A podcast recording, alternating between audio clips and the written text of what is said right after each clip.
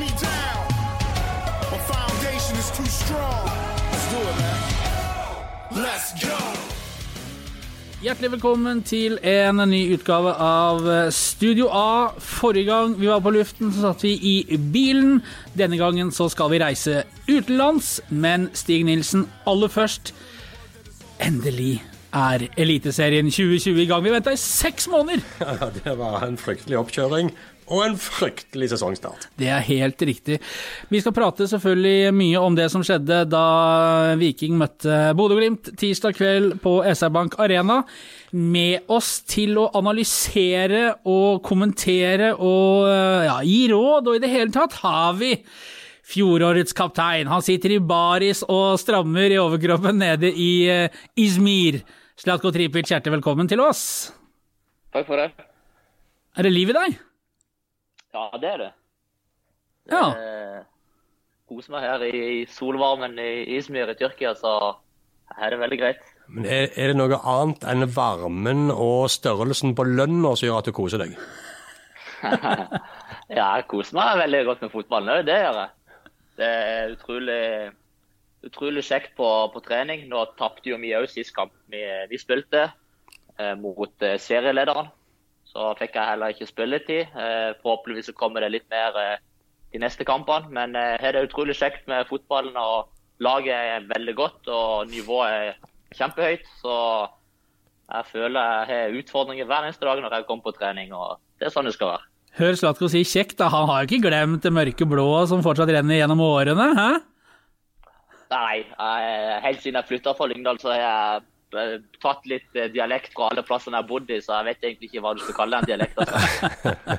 og nå får du litt sånn tyrkisk kanskje inni deg. Hvordan er det med språk og sånn? Går det det mest på engelsk, eller? Ja, det er egentlig veldig morsomt. Det, treneren snakker tyrkisk, og så har du en tolk som oversetter til engelsk, og så har du en annen tolk som oversetter til portugisisk. Akkurat. Tenk deg de to tolkene sier noe helt annet enn det treneren sier. Ja, det er akkurat det. Jeg følte jeg gjorde det ene tolken sa, og treneren var ikke helt fornøyd. Så da var han misforstått. Nei, så det, nei, det er litt sånn utfordrende når det kommer til språk, det er det. Men jeg er blitt såpass vant med det nå at jeg begynner å forstå den fotballfaglige på tyrkisk. Det gjør jeg. Visse ting når treneren sier. For han sier jo det gjentatte ganger, så da går det an å forstå litt mer hva, hva han vil fram til. da. Hva er den største forskjellen da på, på Viking og, og Gustep og, og tyrkisk fotball? Nei, det er ikke mange lokale spillere her. det er en stor forskjell. Eh, veldig mange utenlandske spillere. Eh, nivåforskjellene er jo høyere. Det er folk, De som er veldig kjent med typisk latinamerikanske spillere, skjønner jo at de har en veldig god teknikk. og Nå har jeg aldri spilt med så mange latinamerikanske spillere på ett lag før som nå. og det er skyhøy kvalitet på teknikken der. Det er Pasningskvaliteten og teknikk. Jeg syns de, sier Viking, da, eller i Norge generelt, så er man veldig løpssterke og er veldig godt trente. Her er jo klart er man bra trent, men det går mye mer på teknikk og ja, den, den type fotball da, enn uh, direkte fotball og mer på hva skal jeg si, kraft. da. Så det er veldig to helt ulike typer fotball å spille. da. Det, det, gikk jo veldig fort da du, du, dro. Du pakka jo egentlig bare bagen du, og, og feis av gårde, og siden er det ingen som har sett deg. For korona har jo stengt både grensene både inn og ut av stort sett hele verden. Men uh, hvordan var liksom, overgangen, og hvordan gikk det, og hvordan var den første tiden der nede? Nei, det er som du sa, det gikk vanvittig fort. Jeg visste jo litt om interessen, men du vet jo aldri når man skal reise. så jeg var jo på en trening og trodde egentlig jeg skulle opp sko på trening dagen etter. Men fikk beskjed veldig sent på kvelden at uh, ting hadde ordna seg og jeg skulle ned på medisinsk test. Så, men heldigvis har jeg opplevd litt sånn tidligere i karrieren at man må ta, ta det litt på sparket. og Man flytter ned og vet at man ikke skal komme tilbake igjen på en god stund. Så selv om jeg skulle flytte til et helt nytt land som jeg ikke var vant med, så visste jeg litt på en måte hvordan prosessen skulle gå. da. Så ble jeg jo veldig glad når ting ordna seg. og jeg flydde, jeg flydde, jo samme dag som jeg hadde medisinsk, flydde jeg ned til Antalya. Ja. på treningsleir, der laget var og hadde treningsleir, så jeg fikk jo egentlig ikke tid til å ja, finne leilighet eller bil og sånn i starten. Så eh, her i Gøstepe så har vi et treningsanlegg. Så man har jo stadion der man spiller kamper, så har du et treningsanlegg, og det er veldig stort. Og der er hver spiller på en måte ett rom, da. Med seng og nesten som et lite sånn hybel, da. Høres ut som det er litt større forhold. Ja, så på en måte, der bodde jeg da i eh, noen uker før jeg fikk eh, bolig. Men jeg, snak, jeg, jeg snakka med deg litt tidligere i, i vår. Det var vel eh, mens denne koronapandemien var i eh, Eller tidlig i den fasen. Da satt du i hagen, eh, også da i baris. Vi tar jo tegninga her. På, på en sykkel og trente for deg selv. Strålende vær. Du, du, du har fått deg leilighet og sånn nå, da, skjønner vi? Ja, jeg, har fått et, jeg bor i et hus. Et hus med litt eh, Det er mange spillere som bor i området. Det er litt sånn litt utenfor byen. Det er på en måte presidenten vår som Det er jo han som styrer klubben, og han vil at vi skal bo på et litt, eh, litt penere område. Litt, eh, et område som er litt unna folkemengden, da. Så at det blir lettere for folk å komme til trening. Men du, du trives, eller?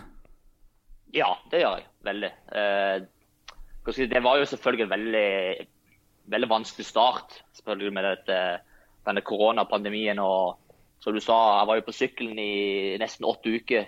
Syv-åtte uker. Det, for vi var i karantene, og ligaen ble stoppa. Jeg kunne ikke reise hjem. Og eh, samboeren min er hjemme i Norge, så hun kunne heller ikke komme ned. Så da var jeg alene. Og ja, vi kunne bare gå til matvarebutikken og hjem igjen. Så fikk vi heldigvis en spinningsykkel eh, hjem til meg, og da ble det mye trening på den, ja. Fram til vi kunne begynne igjen. Så du har ikke sett uh, samboeren din, eh, eller forloveden din er det vel nå, du har ikke sett henne på et halvt år nesten da? Nei, stemmer det. Jeg så ikke, jeg har ikke sett henne siden jeg flytta ned, så det nå har, det gått såpass eh, lang tid at eh, jeg vet nesten ikke hvordan det er å være med igjen. Så det, det, går, det går greit nå. Så forhåpentligvis så får vi ses i slutten av neste måned. Får håpe du har ringen på fingeren når du ser deg igjen, da. Ja, det håper jeg. Jeg skal lete godt. Rolig nå, Flyg. Ja, men Det er godt å høre at det er livet der, Slatko. Jeg sa jo i forrige podkast at eh, jeg savner Slatko Tripic, og da kom det melding fra Slatko. Han savna også, det er jo hyggelig, det. Eh, årets vikinglag, Stig, har vi jo snakka om at vi er spente på hvem som skal fylle tomrommet etter Slatko Tripic.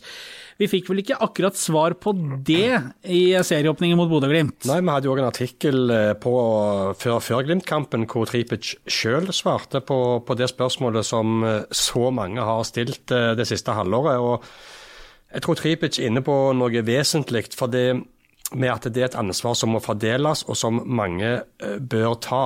Fordi det å ta en sånn rolle som Slatko hadde eh, de to siste sesongene, det er ikke noe du på en måte kan bestemme deg som type bare for å ta. Du må ha det i deg, du må føle det som et kall, du må føle det som en indre kraft, og du må føle det ansvaret at det passer deg, og at du blir, at du blir glad av å ha det, at du blir gira av å ha det, du er stolt av å ha det. Eh, og at du selvfølgelig har kvaliteter som gjør det naturlig for deg å ha den posisjonen. Så det er ikke bare for Vetan Berisha eller Vilja Vevatn eller Runar Hove eller Kristoffer Løkberg til å, til å si 'jeg tar den rollen'. Det, det må komme naturlig. Og det, og hvis ikke du har den naturlige ledertypen, så, så må det spres over flere, syns jeg. Hvor- Hvordan ser du på det i det laget i år, eh, Slatko? Eh, Hva tenker du rundt den, eh, den posisjonen og den, den plassen på banen og posisjonen i laget som du hadde? Ser du noen som sånn åpenbare arvtakere? Ja, Det er litt sånn som jeg sa i artikkelen òg, at jeg syns ikke det, man skal på en måte nødvendigvis erstatte meg med en spiller, og han skal på en måte være akkurat den jeg var, eller på en måte ta over min plass direkte én spiller. Jeg står fortsatt med det at jeg syns det er flere som skal ta ansvar. Og selvfølgelig i fjor eh, høst òg, så var det flere som tok ansvar. Men eh, spesielt i år. eh, Og det hadde vært det samme om jeg var der eller ikke nå er på en måte Viking er et, et såpass godt lag nå og var i toppen i fjor og, og vant gullet at det er på en måte der kravene ligger for å skape den vinnerkulturen. At du må ha mer enn én, to eller tre spillere. Du må ha veldig mange som er blitt ett år eldre, som er blitt mer etablert i ligaen. og så jeg syns at det ansvaret skal fordeles enda mer. Nå har du fått inn noen nye i gruppa. Det er første kamp, det tar fortsatt litt tid. Men eh, jeg syns at eh, det er flere som må være komfortable, og flere, flere som må skjønne at nå er jeg blitt såpass god eller blitt såpass gammel at det er naturlig at uh, i min utvikling så skal jeg få det ansvaret. Men du Slatko var jo veldig tydelig på altså når du kom og trente med Viking i januar 2018, så skulle du bare holde deg litt i form, sånn og sånn. Du spurte om å få lov. Og så, og så, gikk det noen måneder, og så, og så, signerte du med Viking. Jeg husker når du kom ut fra kontoret til vikingdirektør Henningsen og hadde signert den avtalen, som var litt sånn overraskende både for Bjarne Berntsen og for mange andre, at du valgte å komme til Obos og Viking, så sa du allerede at du ble trigga av den rollen som Bjarne Berntsen hadde forespeila deg at du ville få i laget, og at du med din autoritet, din erfaring og dine kvaliteter ville få en rolle. Og Jeg husker du nevnte det da som en av grunnene til at du faktisk kom til Viking og restarta karrieren din. Det var nettopp pga. det. Så du må jo ha følt det som noe du hadde i deg, som du hadde lyst å dele med deg, og som du hadde lyst å bære på dine skuldre? Ja, og det, det sa jeg jo at jeg var veldig komfortabel med det presset som var rundt meg. Eh, litt sånn fotballspiller og litt sånn Det jeg, har erfart så langt i min karriere, at jeg følte at alltid har hatt utfordringer uansett hvor jeg har vært, og aldri vært i en skikkelig sånn komfortsone. Alltid hatt eh, en eller annen utfordring uansett uh, hvor jeg har spilt. Og det presset når jeg kom til Viking var veldig stort. Ikke for de årene jeg var i utlandet at jeg gjorde det så kjempebra, men det er litt med den posisjonen Viking lå i. Jeg kom som en spiller fra utlandet som kanskje ga meg en veldig fin rolle og sa at jeg skulle være en, på en måte mentor for mange av de unge. Uh, jeg skulle selvfølgelig ta ansvar på banen når det kommer til mål og målpoeng, ikke minst. Og hjelpe laget til å rykke opp. Men det var jo ikke en selvfølge at jeg kom til å lykkes med det. Men jeg skjønte at ok, jeg var komfortabel med å ta det presset. I tilfelle hvis jeg lykkes, så for, eh, hvis jeg mislykkes, så er jeg jo komfortabel med å mislykkes. Da får jeg prøve igjen en annen gang. Så det er litt sånn, sånn, men sånn er jeg som person igjen. da, at Jeg syns at det, var, det trigga meg, det presset. Eh, det er derfor jeg vil fortsatt si at det, det, det største opplevelsen jeg hadde med Viking, det var uh, cupen. Men fortsatt det viktigste og det beste igjen, det var opprykket. For det var det vanskeligste, etter min mening. Så det, det, og det er litt med det presset som lå der på klubben, og ikke minst meg sjøl. Men du, Slatko, hadde jo ikke tidligere i din karriere hatt en tilsvarende status og rolle i et lag i en klubb som du hadde, og som du fikk i Viking? Ja, Det er sant. Og det er det jeg på en måte prøvde, prøvde å referere til. at Jeg ville alt ut av komfortsonen. Så det, det, her hadde jeg aldri før. Så dette var en Det er jo det jeg måtte jo tenke litt på før jeg valgte Viking. da. Derfor det tok det litt tid òg, selvfølgelig. Jeg var, hadde kontrakt med en annen klubb. Men om Viking var den rette klubben for meg da. Og Det var det som trigger meg litt. Det, der, det at jeg får det presset, det at eh, det, det, er som du sier, at jeg aldri har hatt en sånn posisjon tidligere. Jeg har aldri vært i den situasjonen, så jeg vet ikke hva som venter meg. Så jeg hadde jo selvfølgelig utfordringer gjennom den sesongen, men jeg følte jeg vokste òg over tid sammen med laget. Og det var, det var liksom en utfordring for meg òg. Og derfor utvikla jeg meg til å bli en bedre spiller de årene jeg var i Viking. Vi må snakke litt om uh, serieåpningen. Uh, Viking tapte altså 2-4 mot uh, Bodø-Glimt, ledet 2-1 ved pause. Da trodde vi kanskje at Viking skulle få den drømmestarten de hadde håpt på og forberedt seg på. De hadde jo gjort et grundig forarbeid, sa Viking, før de møtte Glimt. Eh, og så ble de jo utspilt eh, etter hvert i andre omgang etter alle kunstens regler, Stig. Eh, Bodø-Glimt er fortsatt et godt fotballag, og Viking har litt å jobbe med, tror jeg vel er de store bokstavene etter den første kampen. Ja, det er jo ikke en påstand som, som du står alene om, for å si det sånn.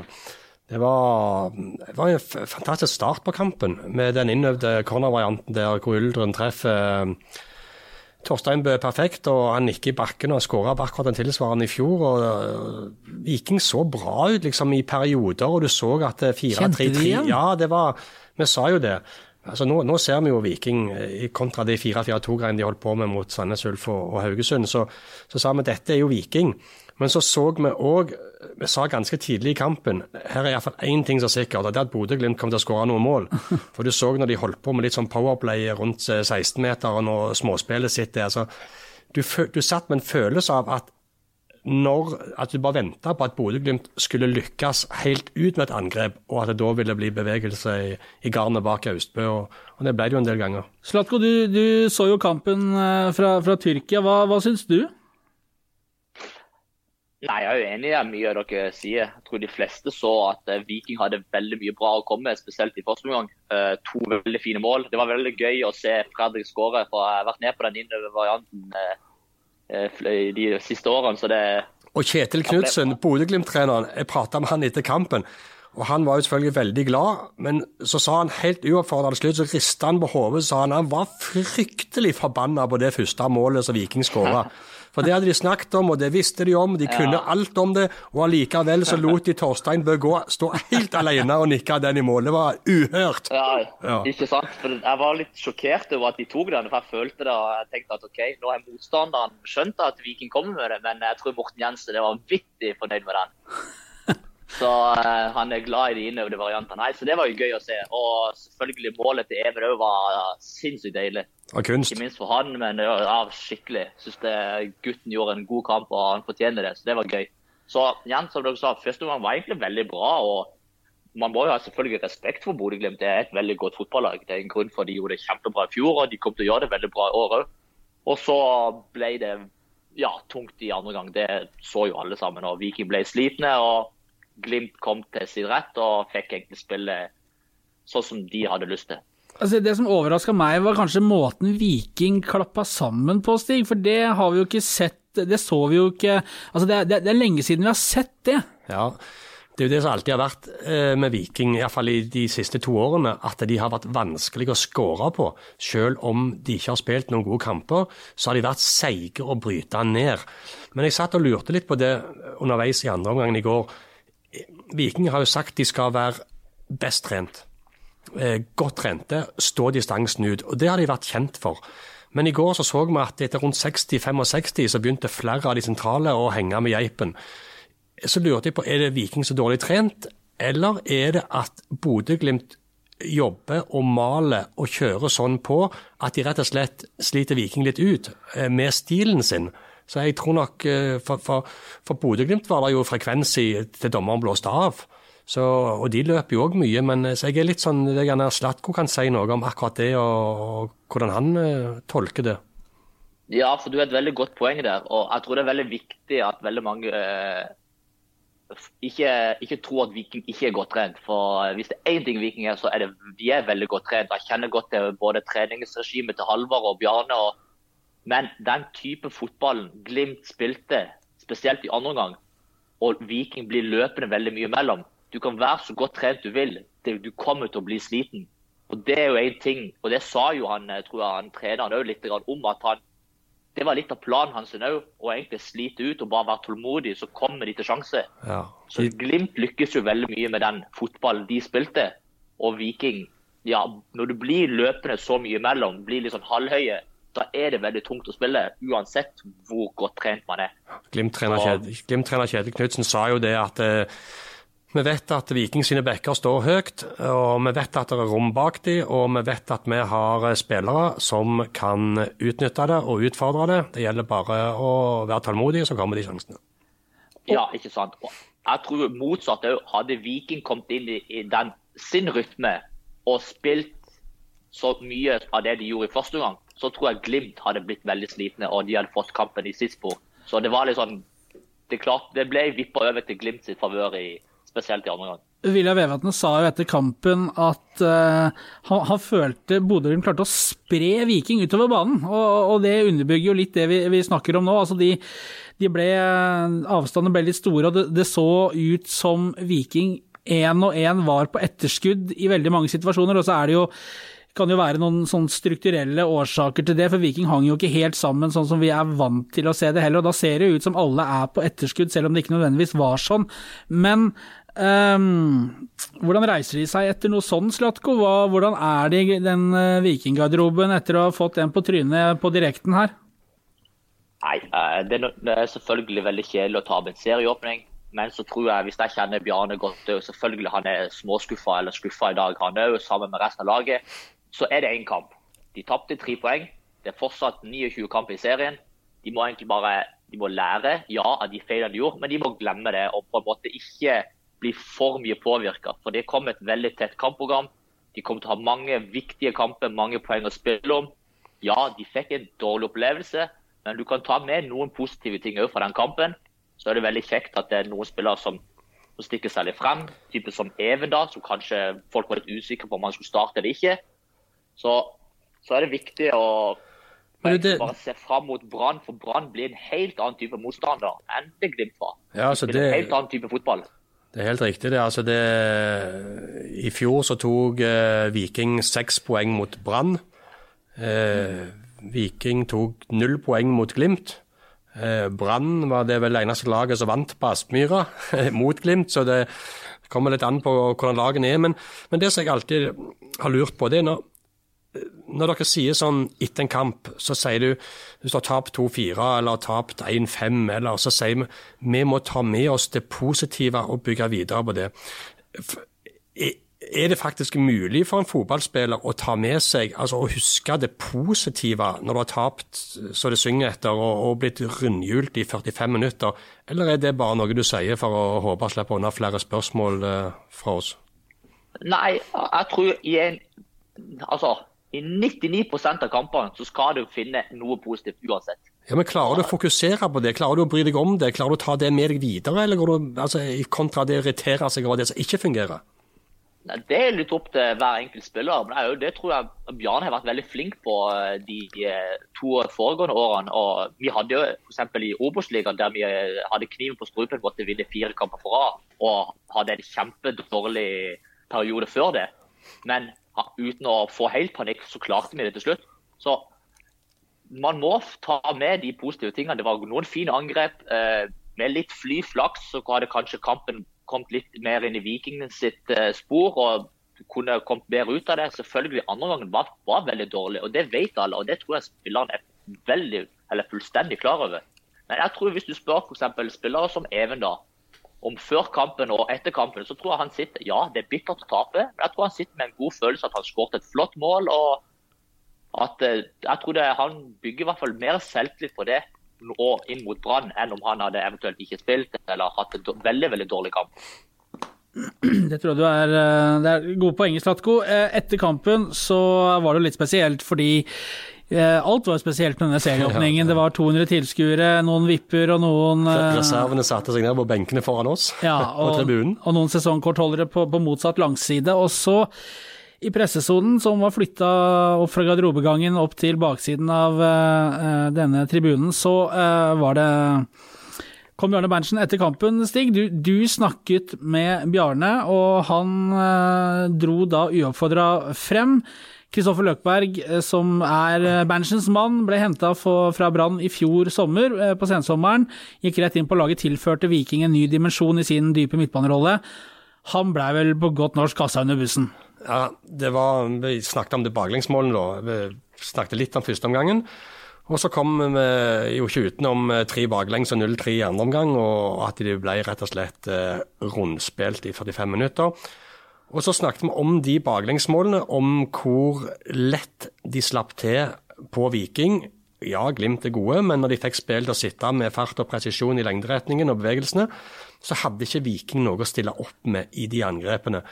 Og det var i den settingen Bjarne Berntsen eh, tok fram eh, tre av målene eh, og analyserte de, eh, og, og klistra en god del av ansvaret der eh, på Kristoffer Løkberg. Eh, og sa bl.a. at han skal, være den, han skal være en ryddegutt foran Forsvaret. Eh, og hadde en eh, dårlig dag på jobben, og det fungerte ikke. Og det var jo selvfølgelig noe vi refererte til i artikkelen. Det var jo òg noe folk så i kampen. Vi så det, vi snakket om det, vi skrev det. Så det var det kanskje litt uvanlig at en trener eh, navnga og plasserte så mye bein, men han tok òg for seg stopperne på det ene målet, som ikke rakk å komme tilbake på 2-2-målet. kom tilbake, De hadde mer enn nok tid å reparere de feilene som var blitt begått, men ikke klarte det. Så det var liksom feil på feil på feil som førte til mål. Så det var den anledningen, ja. Og så har vi jo snakket med Kristoffer Løkberg i dag om eh, kritikken. Eh, saken ligger ute på aftenblad.no, den eh, finner du der. Løkberg syns jo dette er kjipt å bli pekt på. Han rekker armene i været og sier jeg spilte en dårlig kamp, og det er han klar over men syns det var også en, en, en, kjedelig ting at han blei pekt på sånn sett, og, og, og, mer eller mindre ansvarliggjort for eh, tre baklengsmål. Han forsvant jo ut av banen før det siste. Slatko, hva, hva syns du, er det, er det greit at eh, man sier det som det er, eller eh, bør man liksom eh, formulere seg annerledes, formulere syns du? Bjarne er jo veldig kjent på å være veldig ærlig. og uh, Han er jo veldig veldig glad i Løkberg som spiller og type. Jeg tror Da han eventuelt sa det han sa, så er det bare pga. han har så vanvittig store forventninger og krav til Løkberg. Han var veldig veldig viktig for oss eh, den høstsesongen vi hadde i fjor. Og ikke minst den sesongen kommer nå, så tror jeg han eh, forventer om det er for mye eller ikke, det er liksom han forventer veldig veldig mye av han å ta den plassen han skal ta i laget, og ikke minst eh, være den ryddegutten som han ble henta for. og Løkberg sa det sjøl. Sammen med laget så hadde ikke han en kjempegod kamp. Det det er lov å si det. Eh, det og det, som fotballspiller så er det naturlig at man har sånne kamper av og til. Eh, så tror jeg jo på en måte bare at uh, man må prøve å bli ferdig med den kampen så fort som mulig. Og av og til tåle kritikk. Og prøve å se imot neste kamp og forbedre seg på, på det. Jeg har vært med såpass lenge, og det, det er ikke alltid vi får sånn direkte adressering fra en trener. Bjarne Berntsen var mytt, han var betutta, han var litt bleik. Han, han, var, han så litt sånn inneslutta ut når han kom ruslende mot oss uh, i pressesonen der. Han hadde seg to minutters prat med Kjetil Knutsen, som var ferdig med sine intervjuer. Og så, så, kom han bort, og han, han, virka, han var veldig, veldig veldig skuffa. Det så du på hele han.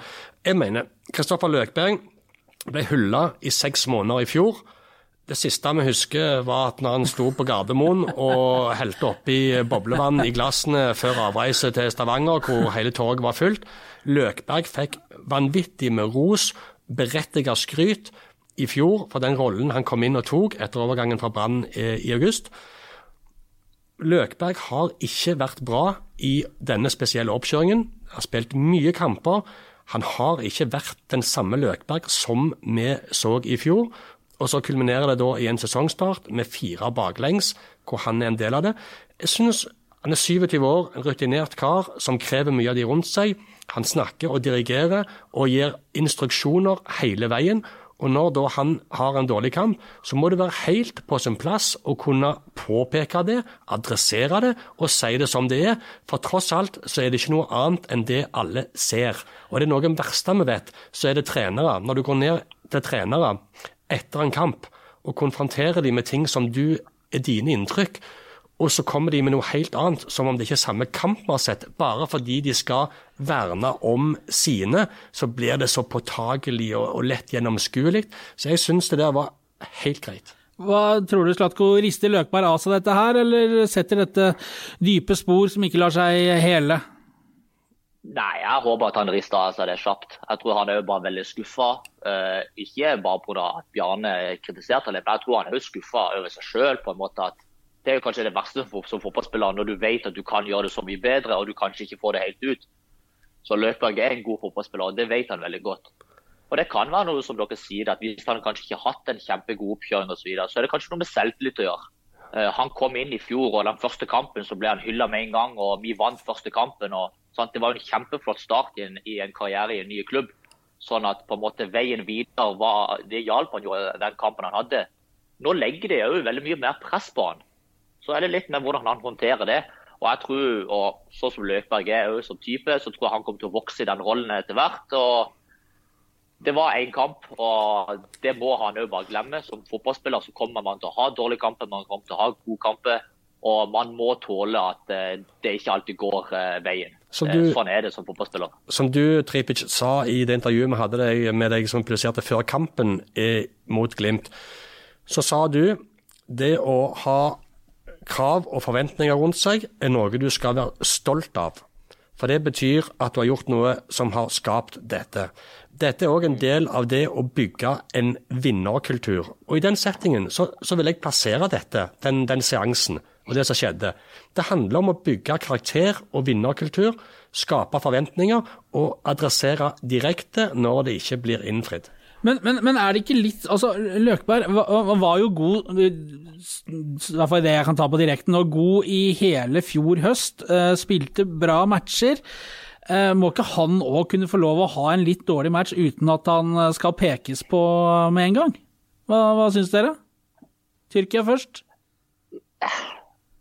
Altså, det, det er liksom det Hva skal jeg si? Altså, jeg, jeg skal ikke si at Bjarne hadde feil der eller ikke, for Bjarne er veldig flink med mennesker. og jeg, tror, jeg er helt sikker på, hvis jeg kjenner Bjarne riktig, at han har snakka med Løk, eller han kommer til å snakke med Løkberg én og én òg, der ikke andre folk er, eller journalister eller der Han kommer til å snakke om litt ting, og han kommer til å føle seg bedre. Det, jeg kjenner meg igjen i mye av det òg, for Bjarne har rista meg veldig mange ganger der folk ikke har sett. og det er Pga. han stiller så sinnssykt store krav. Han sendte, det, det, han sendte, deg, jo, han sendte deg jo i garderoben òg på en trening, husker jeg. Ja, og det kan du bare gjort én gang heller. Så det, og det er liksom Der og da så føler du deg kanskje skuffa. Og jeg kan si på hånda på hjertet at jeg følte meg litt ydm, altså ydmykere over resten av gruppa. og tenkte OK, det, det her forventer jeg ikke. sant? Men igjen så føler jeg etter det så bare vokste jeg. Jeg har snakka veldig mange ganger med Bjarne da, alene én og én, der han på en måte forklarer seg på en annen måte. og Bjarne er jo heller ikke helt perfekt hele tida, der han kan si alle de rette tingene. Så jeg er helt sikker på at han har snakka med Løkberg, og han kommer til å snakke med han, som gjør at Løkberg òg kommer til å skjønne hvorfor han eventuelt gjorde det. og at eh, for han, Til syvende og sist så vil han egentlig bare få Løkberg til å bli så god som han egentlig er. For han er viktig for det laget. Det er helt riktig. det. Fotball er ferskvare. Vurderingene gjøres eh, i skuffelsens øyeblikk et par minutter etter kamp. Og jeg tror så lenge intensjonen i bånn er den samme hos de involverte, så lever vi veldig fint med dette. Men nå går vi altså inn i en periode, for når den eh, eliteserien først ruller, så skal det spilles en del matcher, og de kommer ganske kjapt her nå. Det er jo deilig når du taper for at Ja, så får du en ny match med en Ja. gang. Søndag borte mot Brann i Bergen. Det er jo tre sikre poeng. Det husker vi jo fra i fjor. Da var det piping og buing. Jinxa du den. Bare null der, ja. Det er Brann på søndag, så er det hjemme mot Mjøndalen onsdag i neste uke, og så er det borte mot uh, Vålerenga lørdag i neste uke. Det er tre kamper på seks dager. Da får du brukt hele troppen din. Da, det er du nødt til. Absolutt, og det har jo Viking lagt opp til. Hele oppkjøringen har de jo bare hatt det som mål at de skal spille rundt 40 kamper på, på et halvt år. Og, og har jo den større troppen de har hatt på evigheter. Og Bjarne Berntsen har jo presisert det sjøl. Sagt vi har en god, brei stall med veldig mye gode spillere. Og da kan de rullere på en helt annen måte enn før. Men hvor mange poeng tar du på de tre kommende kampene når du skal bruke hele salen? Ja, det, det, er litt et, poeng- det er et poeng. fordi ideelt sett så er det helt topp å rullere. Viking har gode erfaringer med å rullere. Men det har de gjort i to år hvor de har hatt suksess. Og det er lett å rullere når du har suksess. Ta den bortekamp mot Vålerenga, hvor de satt innpå en haug med, med spillere som ikke normalt var en elver. Og de sudra Vålerenga i Oslo. Men når du taper en serieåpning mot Glimt på den måten som de siste 45 var, hvor mye våger du da å eksperimentere og rullere? For det er lett å gjøre det med selvtillit og noe som allerede ruller og går, hvor du putter folk inn i noe som fungerer. Men nå har de vakla med formasjoner i oppkjøring. Så gikk de tilbake til 4-3-3 til serieåpningen, som jeg syns var riktig. Riktignok med skeiv Even Østensen der oppe på topp, så plasseringsmessig. Men hvor mye våger du å gjøre det nå, eh, når du har fått den karamellen? Det, det undres jeg litt over. Eller hva sier du, Tripic? Nei, altså det, det, er egentlig veldig vanskelig å spå. Nå, de, nå har de nettopp starta sesongen. Da får de en ny sjanse. Som dere sa egentlig litt òg, at det som er så bra at de er så mange kamper til å ta poeng nå, nå i eh, jevnlig. Så eh, nå får de òg fortsatt eh, tøff motstander både mot Brann og Haugesund. De får bruke troppen. Nå vet jeg ikke hvordan Bjarne kommer til å rullere laget, eller hvem som kommer til å stille. Men jeg tror at han kommer i hvert fall til å gi sjansen til folk, og folk må vise at de fortjener sjansen videre. Og det tror jeg Bjarne er veldig sånn type òg, at du får en sjanse, så får du vise at du fortjener den neste gang igjen. Han kommer ikke bare til å rullere bare for å rullere. Cool. Eh, og det er veldig viktig at han holder den troppen han er skadefri òg, som dere sa òg. Det kommer til å bli vanvittig mange kamper. Så håper jeg òg for Vikings del at eh, Jan Erik Delanli kommer kjapt tilbake. Hvor mange fingre hadde du gitt for å sette deg på første fly og ta på deg den mørkeblå drakten og, og spille mot Brann på, på søndag kveld?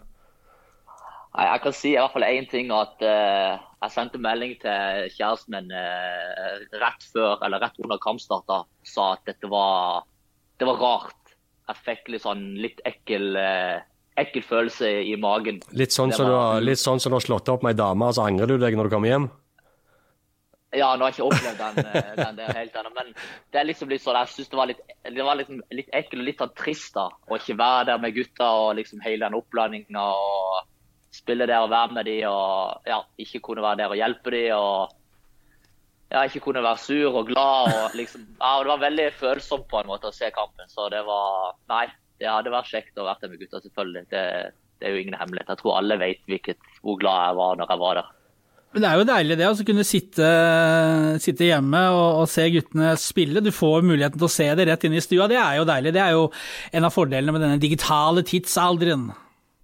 Ja, det er kjempegøy. Og det er kjempebra at de viser kamper der, får muligheten til å se Viking. og Jeg snakker jevnlig med veldig mange. og sånn som I dag så snakka jeg med Yldren òg, og han kunne liksom fortelle litt om kampen. Og jeg kunne snakke litt om hva jeg syns. og Snakka litt med Adrian i tillegg, og snakka litt med Even i går. og Gratulerte han med en flott skåring. og Det var utrolig moro å se. Å se hans utvikling. Så på en måte, selv om han nødvendigvis ikke er der, så føler jeg fortsatt at jeg har et godt forhold til veldig mange av spillerne og snakker jevnlig. og er på en måte litt en del av gruppa ennå. og det, det syns jeg er veldig kjekt. Og jeg, det, og jeg, håper selvfølgelig at de har masse suksess i, i framtida. Så jeg kommer nok til å følge de, de fleste kampene det er mulighet til å se. ja. Er litt sånn rådgiver for Viking, du? Nei, ikke nødvendigvis. Jeg syns, jeg synes det var kjekt. Og om de vil spørre meg, men så vil jo jeg spørre de òg. Og jeg syns nødvendigvis ikke det at jeg skal si til dem hva som er rett og galt, for det er jo vanskelig for meg å lese litt urettferdig når ikke jeg er der sjøl. Det er ikke nødvendigvis sånn jeg hadde spilt en så kjempegod kamp i går heller. Så det, det henger litt sammen med, med egentlig hele laget. Så det, det er bare gøy å fortsatt ha Du, du, du pleier, pleier, du, pleier, et forhold til noe du er glad i. Så enkelt er det. Ja, enkelt og greit. Det sa du egentlig veldig godt. Så og så har jeg alltid sagt det til mange gutter, og det sa han når jeg dro at hvis det noen gang de lurer på noe, sånn, så, så vet de hvor jeg er. Og jeg tror veldig mange har lyst til å spørre om ting og snakke om ting. og som de kanskje nødvendigvis ikke er lett å snakke med trenerteamet om. Stig, du har jo fulgt uh, Viking eh, i uh, mange herrens år. Uh, og vi har jobbet med fotball lenge, både du og jeg, og vet jo at forskjellen på en seriestart med seier, tre poeng, gode prestasjoner og gode opplevelser, den er så enormt annerledes enn når du får deg en smekk på direkten, taper hjemme i tillegg, og ikke at du taper en jevn kamp, at du avgjøres av en tilfeldighet på overtid, som er surt, men som er til å leve med. Hvordan blir det for Viking nå de neste dagene? Nå skal de trene på, på gress i Randaberg før de reiser til, til, Bergen til helga.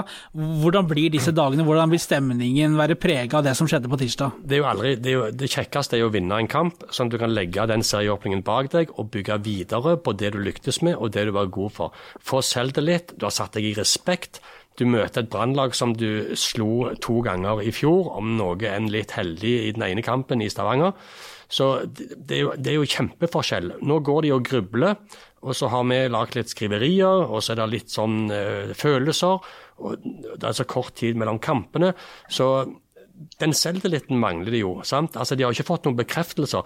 Og så er det ekstra spesielt i år, fordi vi har gått og venta så lenge både folk og spillere og klubb og alle som bryr seg om en klubb, har venta så lenge på at de kommer i gang. Og når de først slipper til, så går det som de gjør. Det er klart det, det er ikke ideelt på noen som helst måte, men samtidig så er det disse situasjonene som bygger karakter hos folk, som viser hva de er lagd av, og hvor mye de vil dette. Og Viking har ikke blitt et dårlig lag over natten, ikke i det hele tatt. De har bare ikke fått det til å løsne ennå. Og fram til det skjer, så det er klart at det er mye spørsmål i hodet til både spillere og trenere. Nilsen, du skal til Bergen. Jeg kom hjem derfra i fjor, selvfølgelig med siste fly hjem, for man vil jo hjem derfra. Eh, med tre poeng og 5-1-seier til Viking. Hva høyner du? Nei, det er vanskelig å høyne den. Da var det jo det var jo en kamp eh, som egentlig jeg opplevde som et mytteri eh, fra hjemmelaget mot treneren sin. Nå, nå, står jo både laget og her treneren fortsatt sammen da, eh, utad. Så så får vi se hvor lenge harmonien varer der oppe. Men eh, nei, det, det blir ikke noen reprise på den kampen. Det, det tviler jeg sterkt på. Det, men det kan jo gjerne Tripic òg si noe om, om, om, den følelsen som du tar med deg eh, etter å ha tapt en, en serieåpning. Du, du, fikk jo ikke være med på det i fjor, for da skåra vel du når dere slo Kristiansund i serieåpningen? Ja, stemmer det. Men det var én ting som jeg hadde lyst til, hadde lyst til å påpeke der. Du, du, sa det jo veldig godt òg, at sesongoppkjøringa har vært vanvittig lang. Så at Spillerne har stått og grubla når skal vi starte, når venta utrolig lenge på den endelige seriestarten.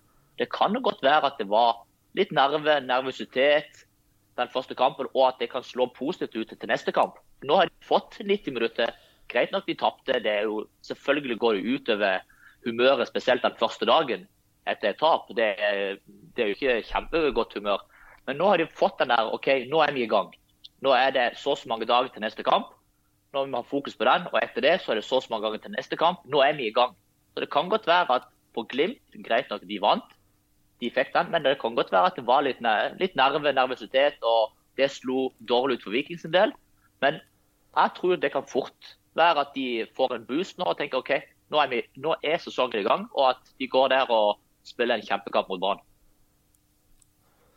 Ingenting hadde vært kjekkere. Hva er det neste, hva er det neste for deg nå, Slatko? Neste match og Nei, Nå er det bortekamp nå på lørdag. Så Vi skal spille mot et lag som heter Malatiaspor, som ligger ganske langt nede på tabellen. Så for oss blir det jo en viktig kamp. Eh, vi ligger litt sånn midt på tabellen, så ja, vi rykker ikke opp. Eller ikke rykker opp, vi er ikke liksom, europacupspill. Vi rykker ikke ned. så men igjen, for vår del så vil vi jo avslutte sesongen med stil. Nå har vi syv kamp igjen, og ja, det har vært eh, tøffe måneder for oss òg. Så det, det, ligger veldig mye i hodet på en fotballspiller akkurat nå spesielt. Men sånn er det overalt nå. Så det, vi vil prøve å avslutte på en god måte. Du, du har en... Håper på å spille litt. ja, det har ikke blitt så mye spilletid på deg. Den kontrakten din som du signerte, som eh, var på ett og et halvt år, pluss opsjon på ett år. Nå har du én sesong igjen av kontrakten din, og du har jo sagt at denne den opsjonen, forutsetningene for å få ytterligere ett år, er at du starter minst halvparten av seriekampene i den kommende sesongen. Og, men hvis ikke så skjer, Slatko, og, og du blir ledig om et drøyt år er det sånn at du bestiller enveisbillett til Stavanger, da? Jeg kommer til Stavanger uansett, for det er eh, her leiligheten min. Og, eh, så det, det, gjør jeg, ja. Jeg tror, jeg, tror jeg, skjønner hvor, jeg tror du skjønner hvor jeg vil hen. ja, det gjør jeg. Nei, du stiller, du stiller et spørsmål, og da får du det der at eh, Nei, det er vanskelig å si igjen. Da, nå er jeg liksom er spent på hvem som fortsetter der, av de trenerteamene og de i klubben, og hvor ønska jeg er av klubben. og ja, Spørs litt om hvilke muligheter jeg er. men igjen, som jeg har sagt veldig mange ganger, jeg tror ikke folk skal bli så sjokkerte hvis jeg en dag returnerer til Viking. Jeg har et veldig godt forhold til dem, og det hadde vært kjempegøy å spille der igjen en gang. og Så får vi se hvor, hva som skjer til den tida, egentlig. Ja da. Nå har jeg lyst til egentlig å på en måte, litt som jeg sa tidligere i denne podkasten, jeg er litt ute av komfortsonen min nå. Nå er jeg en veldig stor utfordring personlig her. Der jeg ikke spiller like mye som jeg er vant med, og ikke har den samme sterke posisjonen i en klubb som jeg er vant med. Og Det er en utfordring, og det er en utfordring jeg var villig til å ta. Så får vi jo se hva som skjer i, i den kommende tida. da.